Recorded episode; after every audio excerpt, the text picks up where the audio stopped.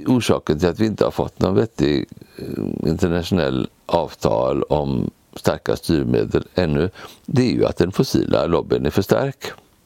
Med den eh, förnybara energi som, som fördubblas i, i, i storlek eh, vartannat år så kommer den fossila lobbyn att försvagas kraftigt. Och vi kommer att se det, tror jag inte i Paris, men om ett par år.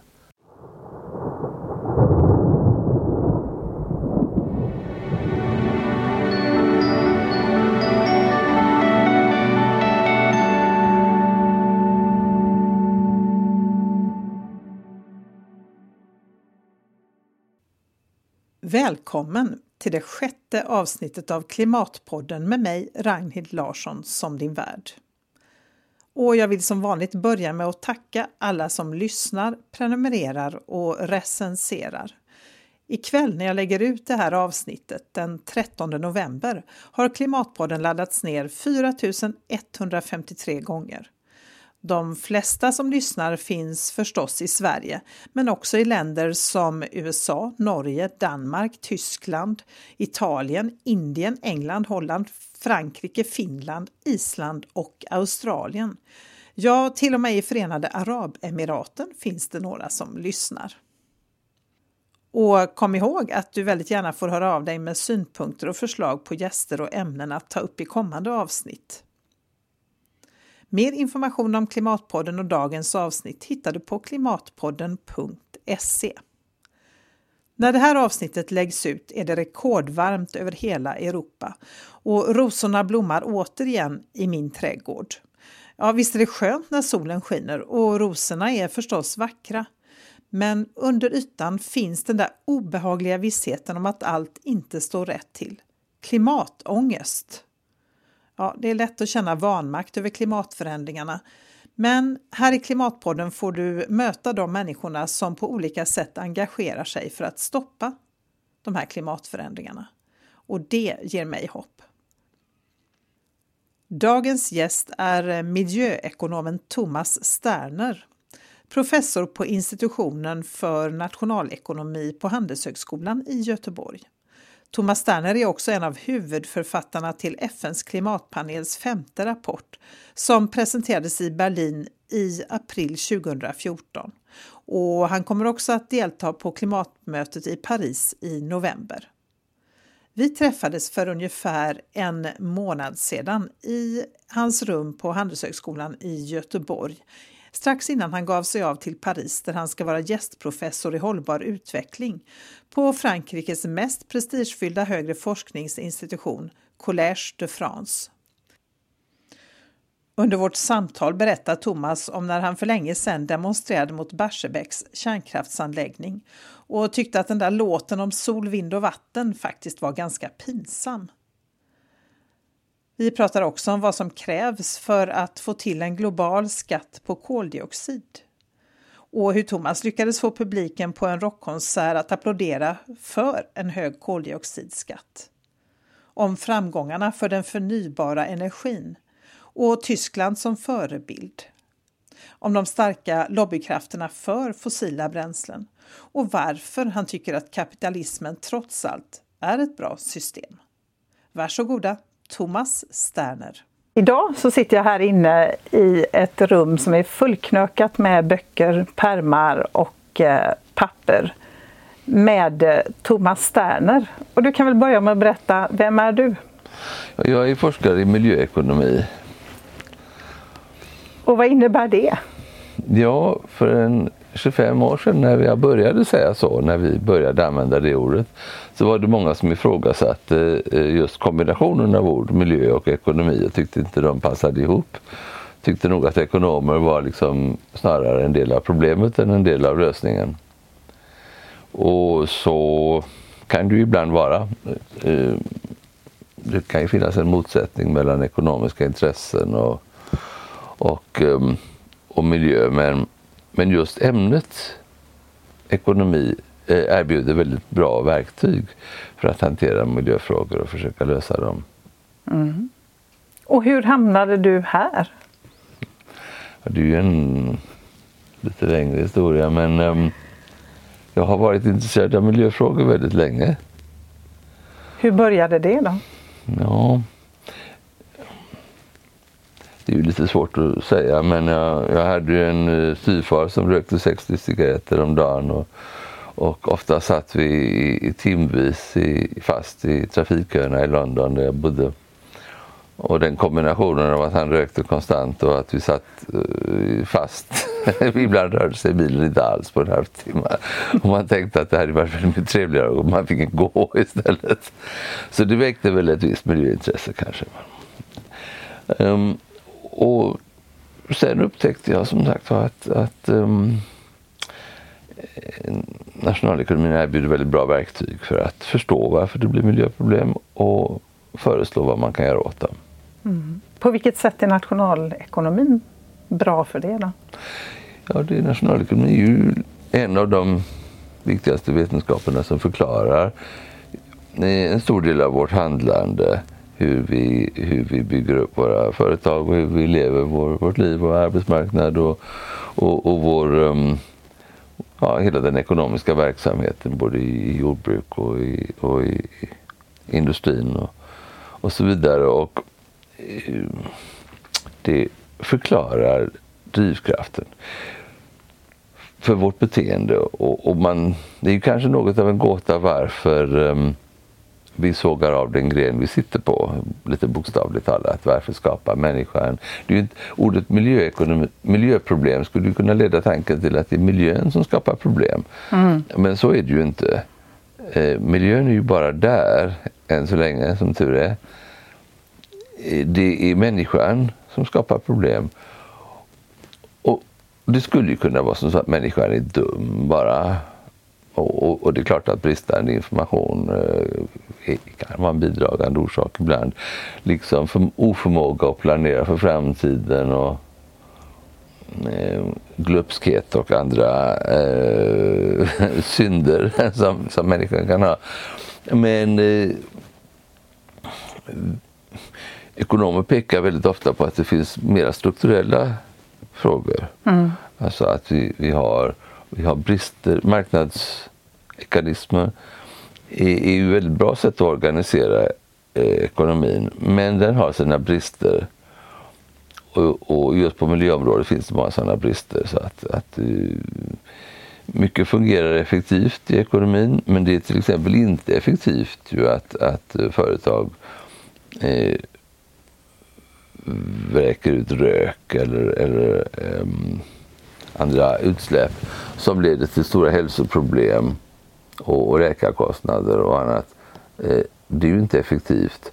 Men det beror på hur, hur marknads, marknadens spelregler ser ut, hur äganderätterna ser ut. I, och, och det är någonting som när man väl har förstått det så kan man lite ändra på de eh, spelreglerna, ändra på ekonomins funktionssätt och, och till exempel införa en, en miljöskatt. Mm.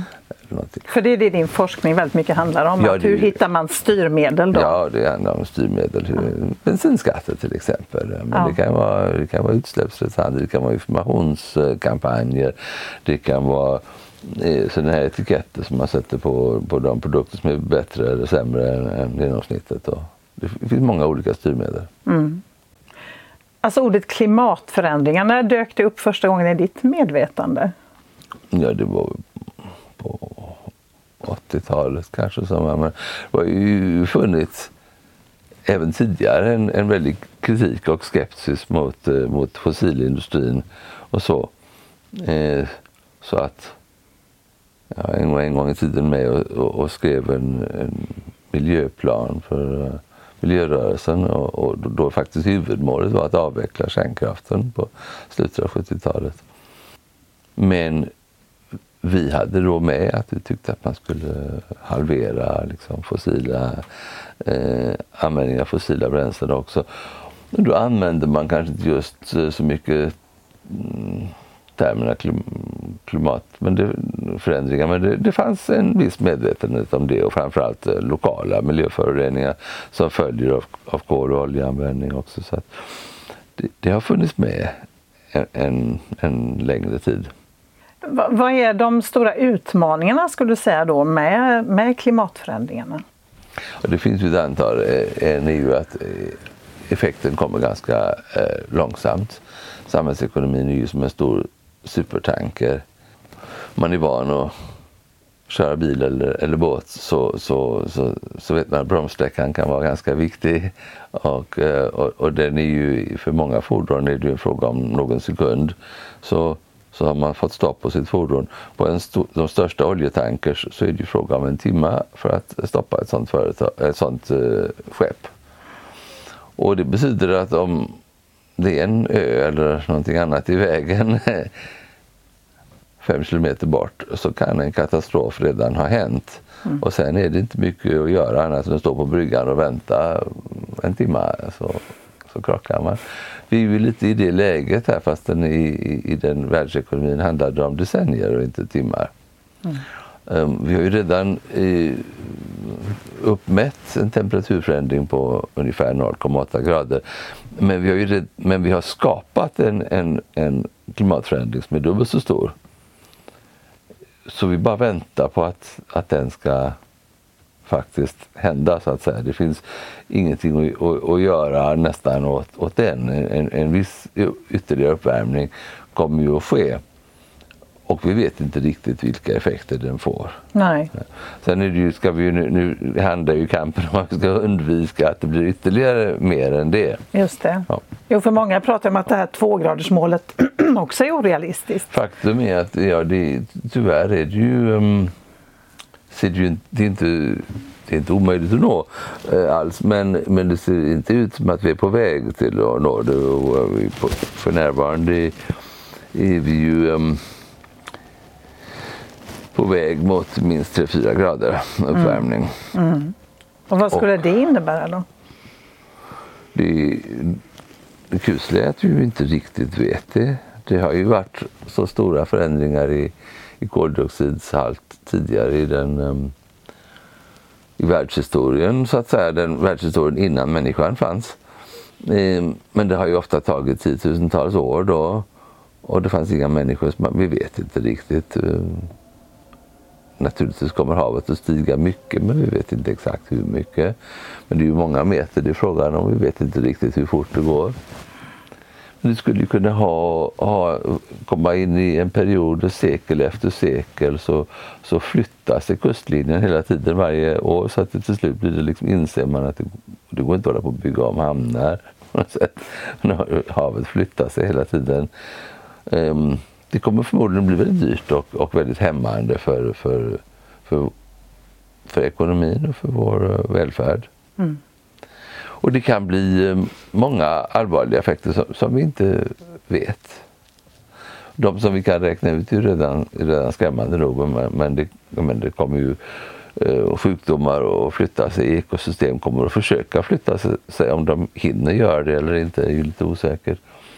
Människor kommer sen försöka flytta på sig. Det ser vi ju redan idag med de flyktingströmmar som nu har kommit. Mm. Vilka, vilka svårigheter det bereder oss. Så det är väldigt skrämmande att tänka sig att det skulle bli mycket större.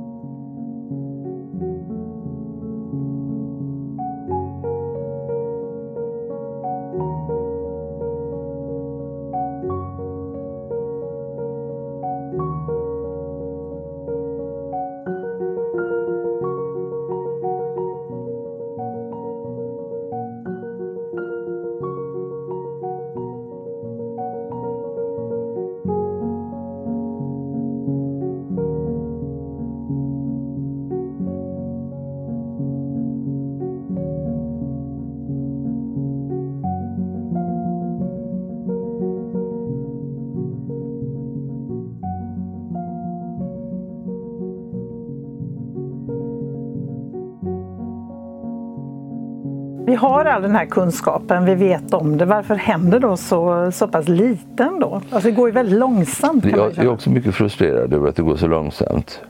Sverige har ju faktiskt en koldioxidsalt, eh, koldioxidskatt som eh, är riktigt rejäl. Um, men Sverige är ju så oändligt liten så att det skulle ju bara få någon effekt som exempel Och det kan det inte göra om ingen känner till det. Så att eh, jag brukar säga det till eh, Miljödepartementet, det bästa de kan göra är bara att översätta vad vi har gjort och berätta om det på engelska så att vi, så vi sprider lite information om detta. Um, Men är det okänt? Ja, det är min erfarenhet. Jag talar ju ändå med en informerad publik. Mm. De som då går på föreläsningar i miljöekonomi. När jag pratar om detta i USA eller någonstans i Europa så inte bara det att de inte vet, de tror inte det är sant. Vad är det de inte tror? Att vi har så höga skatter? Ja, eller? det är så höga skatter på koldioxidskatt. de säger, de säger typiskt nog att nobody would come to your lecture. Säger de. de tänker sig automatiskt att var och en åker i bil, en, en i varje person till, till mina föreläsningar. Och om bensinen är så dyr så skulle de eh, inte tycka det var värt utan de skulle stanna hemma och vara deprimerade istället över den höga koldioxidskatten. Så att, så att det, det, när jag hade tillfälle att tala på den här um, konserten i, i Malmö som, um, som handlade om var en slags en rockkonsert mot um, klimatförändringar. Stormvarning hette den. Uh, så, så satt jag, föresatte jag mig att jag skulle få uh, publiken att, att applådera för koldioxidskatten. det, det lyckades, det var, det var, det var roligt. Um, för att många amerikaner har sagt till mig att du kan aldrig få någon publik att applådera för, för en skatt. Ehm, men de flesta länder har ju ingen eh, politik. Eh, eller ja, jag satt ju med i IPCC och vi eh, skrev ju faktiskt en översikt. Eh, jag hade ansvar för det kapitlet som handlar om styrmedel. En del av mina kollegor är väldigt entusiastiska och hittar styrmedel överallt. Så om man letar så är det klart att det finns många miljöministrar som hittar på någonting. Men oftast är skatterna så låga mm. så att de inte har någon effekt. Mm. Eller också finns det både en skatt och så finns det en subvention som är större. Ja, samtidigt. det är smart. Ja, just det. Så det är bara så man kan säga att ja, vi har också en miljöskatt. Ja. Um, och så likadant med handelsrätts, uh, utsläppsrättssystem, då som med handel med utsläppsrätter. Det är ju också princip väldigt bra styrmedel men det kräver ju att, eh, att själva mängden utsläppsrätter är lågt. Om, om det är ett stort antal utsläppsrätter så blir ju priset på utsläppsrätterna väldigt lågt. Och då, mm, då, då händer ju inte så mycket. Och så är det ju också på ett stort antal ställen. Så de flesta länder har ju väldigt lite klimatpolitik alltså, som är effektiv. Och förhandlingarna eh, går ju sämre än snigelfart. Mm. Det går väl lite jag vet inte om det går bakåt. Men ambitionerna nu är ju, det är ju delvis taktik, men ambitionerna inför Paris är mycket lägre än de var inför Köpenhamn. Mm. Um, det är klart att i Köpenhamn var de lite uppskruvade och så blev det ett stort bakslag. Ja, fiasko. Mer eller mindre. Nu har ju alla eh, politiker enats om att man ska undvika att det blir fiasko så de har ju sänkt förväntningarna. Okej, okay, ja det verkar ju så smart. Mycket så att, så att det blir ju inget eh, sånt fiasko så att säga. Men man kan ju redan på förhand säga att det är, är något av ett fiasko. Så att bilden ser ju helt nattsvart ut. Och hur hanterar du det? Att den är så nattsvart? Hur ska man hantera det? Ska man liksom tänka att ja, det spelar ändå ingen roll så att uh, vi kan fortsätta leva som vi gör? Ja, alltså... Som, som här, jag såg resebyråreklam i USA för ett antal år sedan. Go see Europe before it's gone. Ja. um, um, det finns, eh, man kan inte riktigt, eller det är kanske en personlighetsfråga också, men det är knappt acceptabelt att hålla en föreläsning eller, eller liksom en radioprat som i det här fallet och, och, och bara vara pessimistisk. Så att eh, vi har ju letat efter någonting positivt att säga. Jag tycker faktiskt att jag har hittat en sak. Ja, och vad är det? Det är förnybar energi. Mm. Eh, den förnybara energin går väldigt mycket bättre än väntat. Jag var med i en generation som uh, vi demonstrerade mot Barsebäcks um, kärnkraftsanläggning på, om detta var 70-talet eller både 70 och 80-talet tror jag. Mm. Uh, mest på slutet av 70-talet och vi, vi hade en sån här ramsa vi sjöng om sol, vind och vatten och sådär.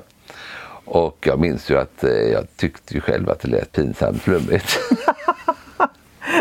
Du trodde inte riktigt på det? Nej, jag tänkte att det här låter lite optimistiskt. Jag trodde nog mer på den tiden på att nej, men det blir men skatter och så, så, så sänker vi förbrukningen och så hittar vi effektiviseringar. Så alltså, jag tänkte mer på det.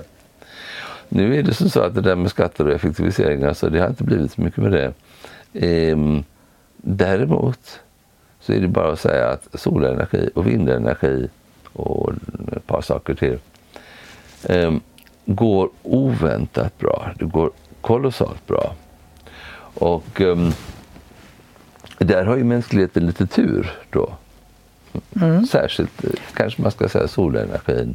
Um, bygger på naturligtvis på nya uh, upptäckter och nya processer. Och, och mänskligheten har tur. Det, det visar sig att uh, det har ju med egenskaper hos kisel och andra material att göra. Det går att bygga solceller och ju fler man bygger och ju mer man forskar om detta desto billigare verkar de bli. Och, och ju billigare de blir desto fler byggs. Mm. Och det är mycket tack vare eh, Tyskland och den stora satsningen som har gjorts där i, i Energiewende. Och det är inte bara Tyskland, Italien, och Spanien och mm, Kalifornien och andra har haft andra satsningar. Men Tyskland har haft den kanske mest ihärdiga. Energivände säger du, vad är det? Energivände det står för att man ska vända om i energifrågan ja, ja. ungefär. Det. Och det är det officiella namnet eller det um, officiella smeknamnet på, på den tyska energiplanen. Tyskland har då i flera årtionden haft en plan att man ska um, sluta med både kärnkraft och samtidigt minska väldigt kraftigt den fossila förbränningen och satsa på förnybar energi. Mm. Och hade det varit något annat land så tror jag man bara hade viftat undan detta. Men Tyskland är ju faktiskt ingenting man skrattar åt. Det är ju sinnebilden för en um, seriös och inte särskilt solig industrination. Och um, ju mer man tänker på det desto mer inser man att um, de, har ins de har räknat på detta och, och, om de satsar så mycket på det så är det för att det dels kommer att gå för att de också har insett att det här stora problemet kan bli en affärsmöjlighet för tyska ingenjörer. Mm. De tänker som så att vi har de bästa ingenjörerna i världen och, och, och, vi ska lösa detta och så ska vi göra bra affärer av det. Och um, det är kolossalt eh, uppmuntrande att Tyskland har varit så ihärdiga att satsa på detta.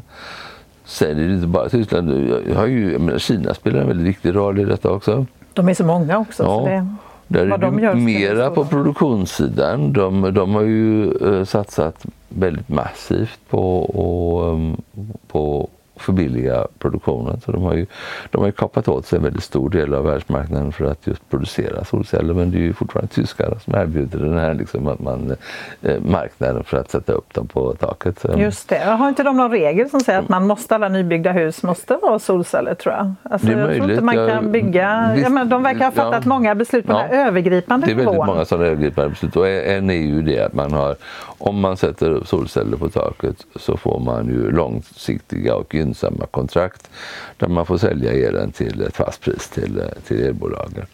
Så att, um, och det där har ju inte varit gratis. Nej. Så det har kostat en del. Och, och, jag har en kollega som skrev en artikel för 20 år sedan om att det här borde liksom hela OECD-området göra. Satsa mm. på liksom, och skapa sådana stöd. Och, och, och, och visat att det skulle kosta en slant men nu har Tyskland gjort detta ensamt och då blev det ju lite, något dyrare. Samtidigt kan man ju säga att det är ju det är stora kostnader men det har ju inte knäckt den tyska ekonomin. Det är ju liksom, det är fortfarande det, liksom, det stället som de flesta människor vill fly till. Eh, så att det går ju fortfarande bra för den tyska ekonomin. Men det har varit kostnader. Ehm, och, och så småningom blir det väl också affärsmöjligheter av det. Mm. Men det ser du som en väg framåt då? Ja, och det är det av flera orsaker. Och här har jag just skrivit, publicerat i förra veckan en artikel i Nature där vi försöker att mejsla ut eh, väldigt exakt vad vi tycker i denna frågan. Eh, för vi vill inte vara så där nattsvarta att, eh, som sagt, att det bara kommer att gå åt pepparn i, i Paris och det är bara att ge upp. Vi vill heller inte eh, säga att eh, frågan är löst. Därför att det går så bra för solenergi så att det spelar ingen roll vad de gör i Paris. Utan vi försöker att gå en väldigt försiktig och exakt linje eh, mittemellan. Där vi säger att det som har hänt i både Tyskland och som redan har spritt sig, men det är ju Italien, Spanien, eh, Eh, har ju, alla de länderna har ju 6-7 procent eh, av sin el från, från solenergi. Danmark har ju 40 procent från vindenergi. Eh, det är flera, men Sverige har ju en hel del bioenergi och det finns några länder som har geotermisk och det finns ju ett par andra mindre bidrag från, av annan sort också. Men solenergi är kanske den på sikt allra intressantaste och, och, och största. Och vi menar väl att det har nu gjorts en demonstration av att det här inte bara är marginella tillskott utan att det har potential att på sikt lösa en antingen stor eller till och med kanske helt dominerande del av energiförsörjningen. Det vill till ytterligare lite saker som har med transmission och eh, lagring och, och, annat att göra. Det finns mer arbete att göra men det finns väl en, en del som talar för att även där kommer lösningar. Så menar vi att då måste den här utvecklingen få fortsätta ett antal år till. Sen är målet fortfarande en global pris på koldioxid. Mm. Vi måste ha en, antingen en skatt eller ett väldigt omfattande system av, av såna utsläppsrättshandel som skapar ett pris på att släppa ut koldioxid. För då är det väl tvärtom så att man, alltså man subventionerar ju fossila ja. bränslen och det låter ju helt barockt. Precis. Det är det också. Uh, och så länge man har en subvention eller, eller ingen, eh, så länge man har otillräcklig beskattning, eh, otillräckligt högt pris på, på koldioxid, så kommer folk att i, använda kol, olja och gas till någonting. Så även om vi har väldigt gott om solenergi och annan förnybar energi så är det fortfarande lika viktigt att vi har en koldioxidskatt eller, eller något effektivt pris på koldioxid. Annars kommer mänskligheten att använda helt enkelt mer energi och vi kommer att använda både den förnybara energin och dessutom en massa fossil energi och kanske finna andra um, produkter som plaster och, och, så som man kan tillverka av, av eh, fossila uh, källor, kol, olja och gas.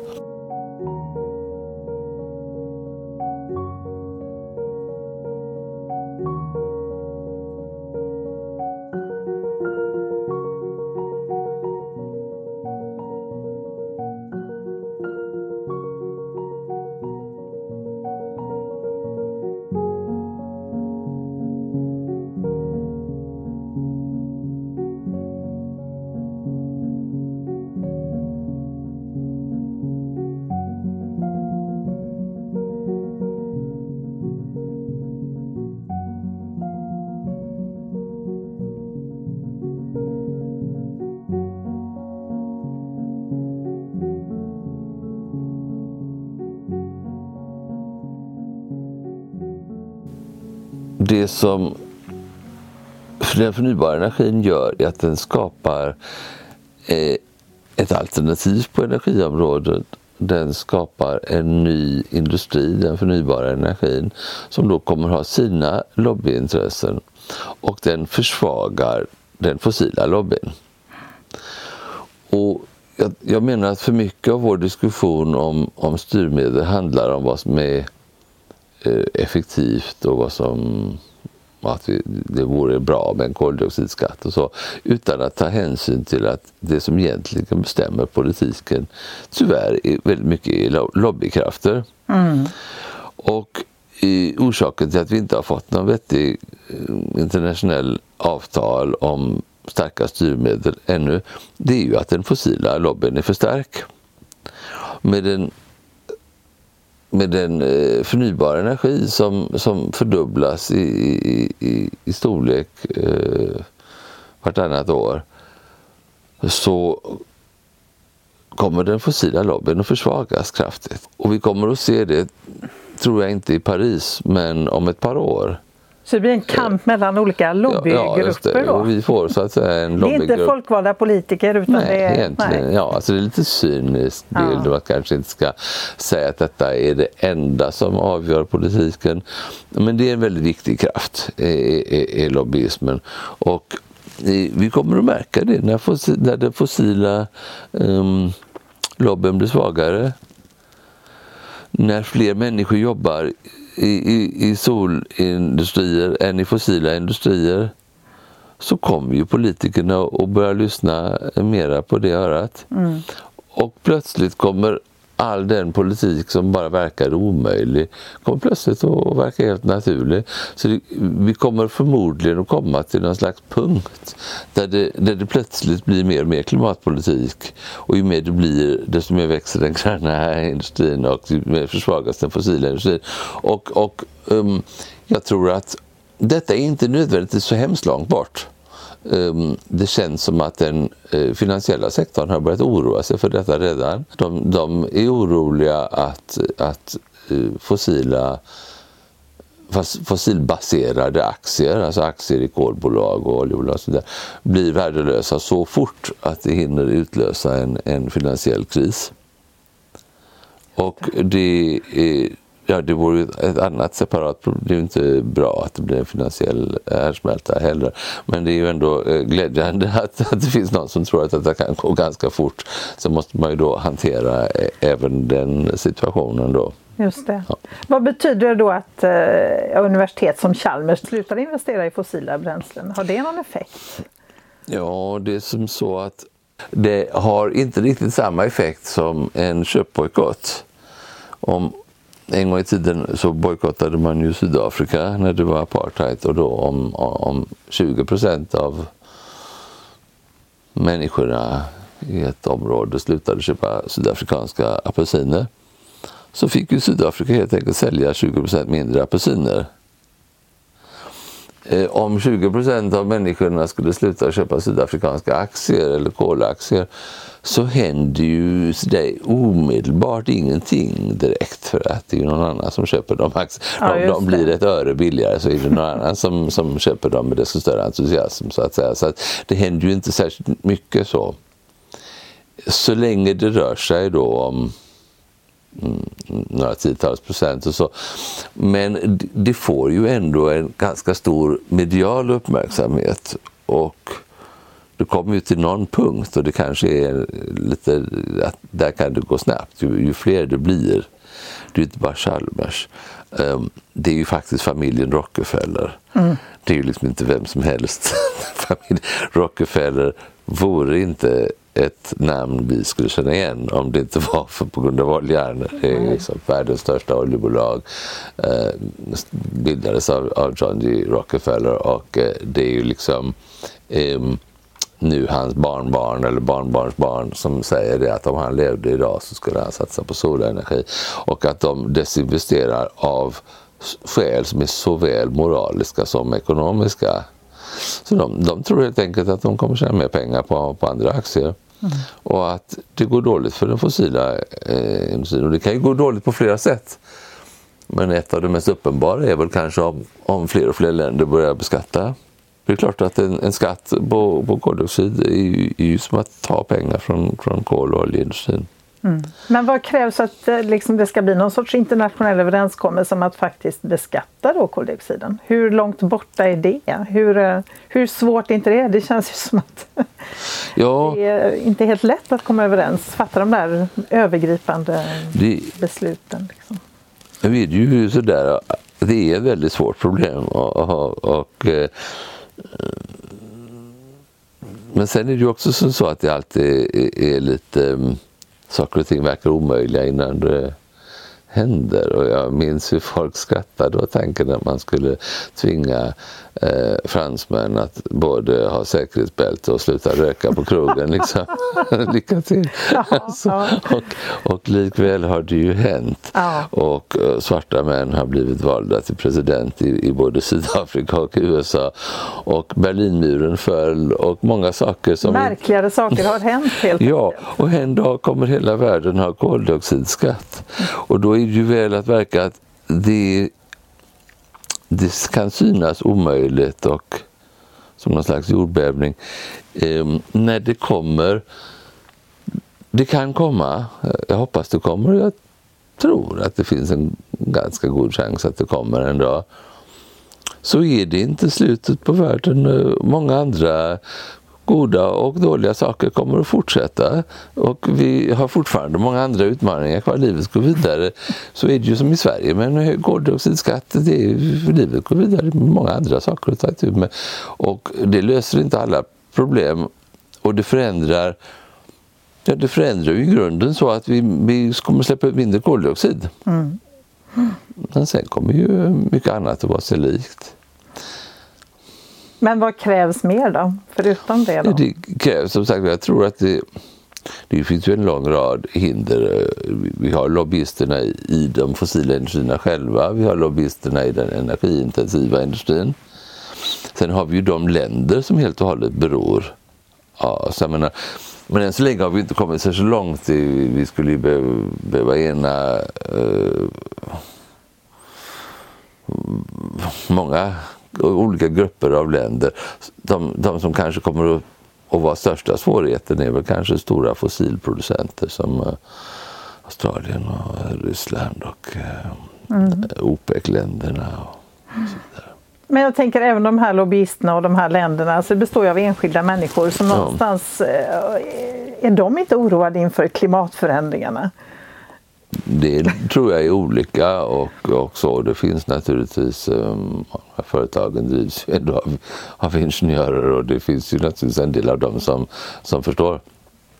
Även om uh, viljan att, att förneka när man känner på det, den är ju en ganska stark tendens. Men det är klart att det finns. Och, Um, och en naturlig strategi är ju att, att säga att vi är energiföretag, vi är bra på att transportera, tillhandahålla, lagra och sälja energi. Och, eh, och vi får se det som en utmaning och vi skulle på, på, på ett par decennier skulle vi kunna övergå till att sälja um, solenergi i någon lämplig förpackning.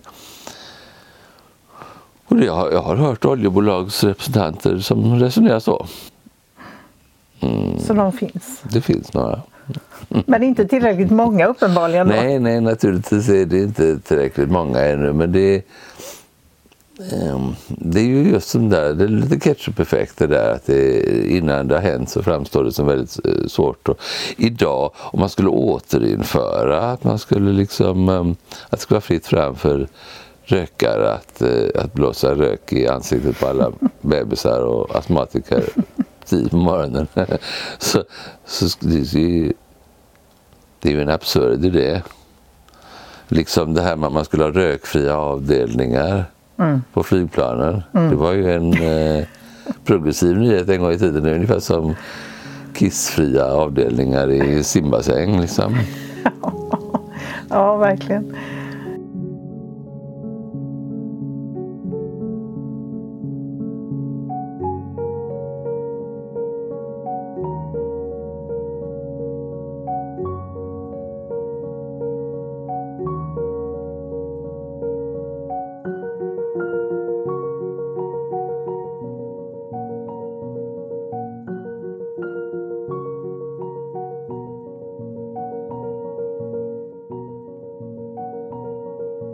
Ser ansvaret att åstadkomma de här nödvändiga förändringarna nu då? Det får vi nog ta på oss alla tror jag för att jag vet inte, det kan man väl formellt säga att det är, är regeringarnas eller något sånt där. Men, men det, det tror De verkar inte göra så mycket. Nej, alltså mm, och politiker säger naturligtvis att jo, men vi vill ju gärna på en personlig nivå men vi kan inte göra mer än vad befolkningen ger oss mandat till. Vi kan gå lite före men inte mycket. Så, så, att, så, så det kommer ju ändå tillbaka till att det är de som röstar. Mm. Sen kan man ju säga att företagen har ett ansvar också. Det, är ju lite ett ideologiskt perspektiv men om, om företagen vill spela en stor och viktig roll i samhället så måste de ju också ta ansvar. Så, mm. så är det ju. Ja, och många menar ju att det är en dålig omvärldsbevakning och inte ha koll på klimatförändringarna. Ja, så att man faktiskt eh, på det sättet kan, eh, alltså inte kommer att kunna spela någon viktig roll om man mm. inte tar hänsyn till dem. Nej, jag tror det. De här problemen är som sagt de är lösbara. Ny teknik kommer att lösa jättemycket men det gäller ju att skapa förutsättningar för den nya tekniken. Man kan inte bara förvänta för det är ju ändå många som lutar sig tillbaka och tänker det här löser ingenjörerna. Mm. Men så, så är det ju ändå inte. Det är, um, Eh, det finns en lång rad barriärer mot, eh, mot ny teknik också och eh, de måste politiker och företag och så arbeta bort. Och det, är, det är svårare att låna pengar till, eh, till vindkraftverken, till stora kolkraftverk och så. Mm. Så att det finns ju ofta perversa system, system som egentligen har skapats kanske under hela den, den olje och fossilperiod som vi har gått igenom de sista hundra åren och som var till för att gynna den. Ja, och som lever kvar mm. då. Mm. Mm. Hur ser din eh, vision av ett eh, hållbart samhälle ut då? Ja, det, det är väl bra om vi kan lösa klimatfrågan här på en timme. Ja, visst är det. um, det är det är många, det är en stor fråga men det är bara en av flera stora frågor. Vi har, um, vi har en kemikaliehantering som är så omfattande um, att vi, vi har ju mängder av kemikalier i, i alla ekosystem, i polariserna och i, i navelsträngen på, på nyfödda bebisar, även långt ut i, i djungeln. Mm. Um, och vi känner inte till alla effekterna av de kemikalierna. Vi har en förlust av biodiversitet som bara kan mäta sig med de stora, stora utrotningarna som man ser i, liksom i, i, i den geologiska record som finns. Som är väldigt omfattande. Vi vet inte vad det är vi förlorar och vad det betyder. Och vi har en lång rad andra eh, problem. Jag menar, mm, försurningen av världshaven som ju väldigt mycket hänger ihop med klimatförändringar. Och vi har eh, omfattande läckage av eh, kväve och fosfor till exempel från, vår, från ehm, eh, framförallt jordbruk och, och så ut, ut i, i, ekosystemen.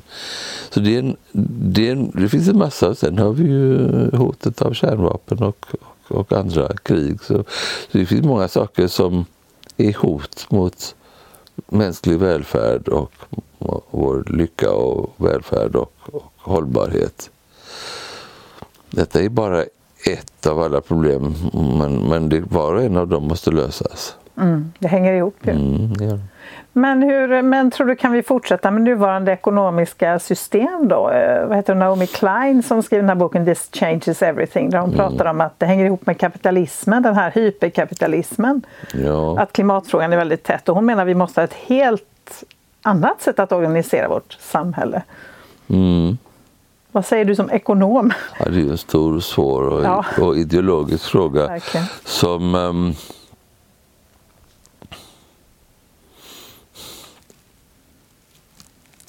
Det är svårt att ge ett definitivt svar på det. Jag, jag tror ändå att kapitalismen är väldigt mycket mera anpassningsbar än um, än man skulle... Det finns de som är rädda att kapitalismen och tillväxten skulle skadas om man har en klimatpolitik. Och det finns kanske några som hoppas att kapitalismen skulle gå under dem. Jag tror att bägge har fel. Jag tror att kapitalismen är extremt resilient och i någon form så kan, kan kapitalism eh, fortsätta att växa och till och med tämjas och vara i princip en bra kraft. Um, kapitalismen kan ju se lite olika ut. Vi, vi har väldigt mycket större ojämlikhet i, i, USA än vad vi har i Sverige idag. Ännu i två kapitalistiska system. Man, man kan det beror på vad man menar med, med den nuvarande ekonomin eller hyperkapitalismen. Men jag menar, eh, man kan med mycket stora politiska uppoffringar och ansträngningar kan man ju bekämpa ojämlikheten och, och en del av kapitalismens avigsidor. Uh, och um, bestämma att man måste ha allmän sjukvård till exempel som vi har i Sverige. Det är ju, ja, man kan ju se det, i USA verkar det vara en slags öppen fråga om det är möjligt eller inte. Ja, verkligen. Um, Eh, Eh, men det rent logiskt kan man ju säga att det finns några länder som har gjort det bevisar ju att det går. Det går att ha en kapitalism med lite mindre ojämlikhet och, med lite större offentlig sektor som faktiskt tar hand om, om um, de som är fattiga.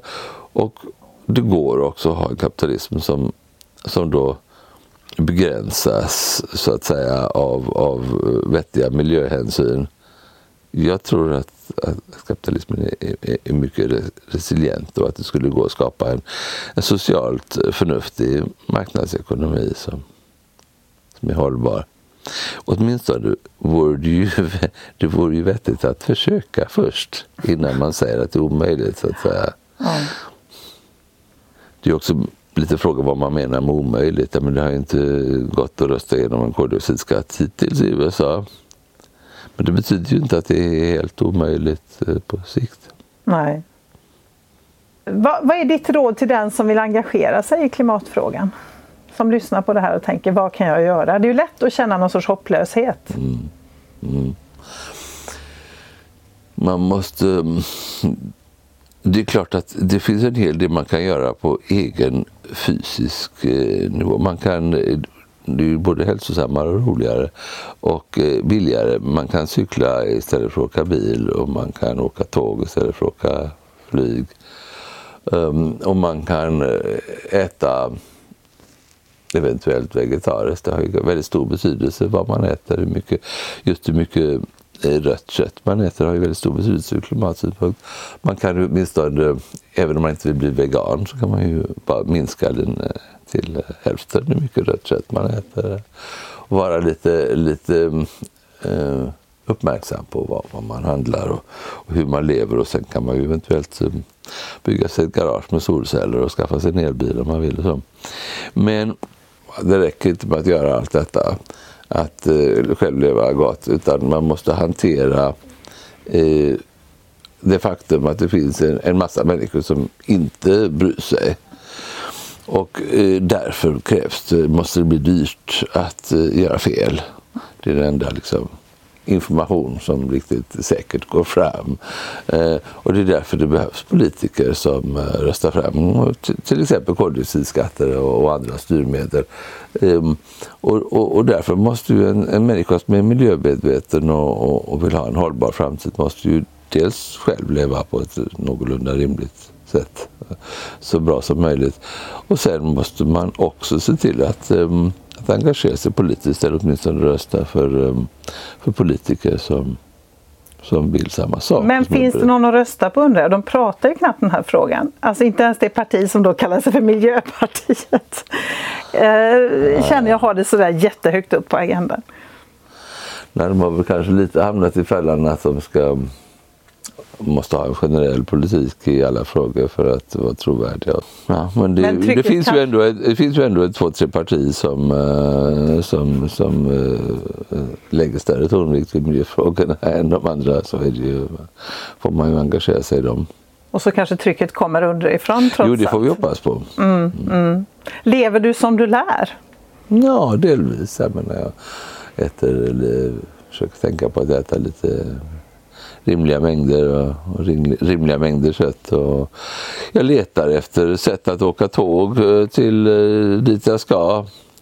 Men jag har varit besviken nu på det sista. När jag, jag, vill, jag, jag ska resa mycket till Paris i det här året och det um, det har jag tidigare i livet väldigt ofta gjort med tåg. Exakt, då kunde man åka nattåg Precis, och jättebra. Och, eh, mitt gamla nattåg från Köpenhamn till via Hamburg och så vidare, det verkar vara borta. Och, eh, sista jag tittade på, det är ju tyska järnvägen har de bästa tabellerna. Och um, i Göteborg, Paris, det är alltså minst fyra, oftast fem byten. Och det inga roliga byten utan man ska stå tre timmar mitt på natten i Köln eller någonting. Och, Jaha, det är galet. Ja, ja, Så att det är verkligen, de har gjort det svårt. Vad kommer du att göra i Paris? Jag, ska, jag har blivit invald i Collège de France och um, jag ska hålla nio föreläsningar om uh, styrmedel. Spännande. Mm. Ja. Då får vi önska dig lycka till där och tacka för den här ja. pratstunden. Tack ska du ha.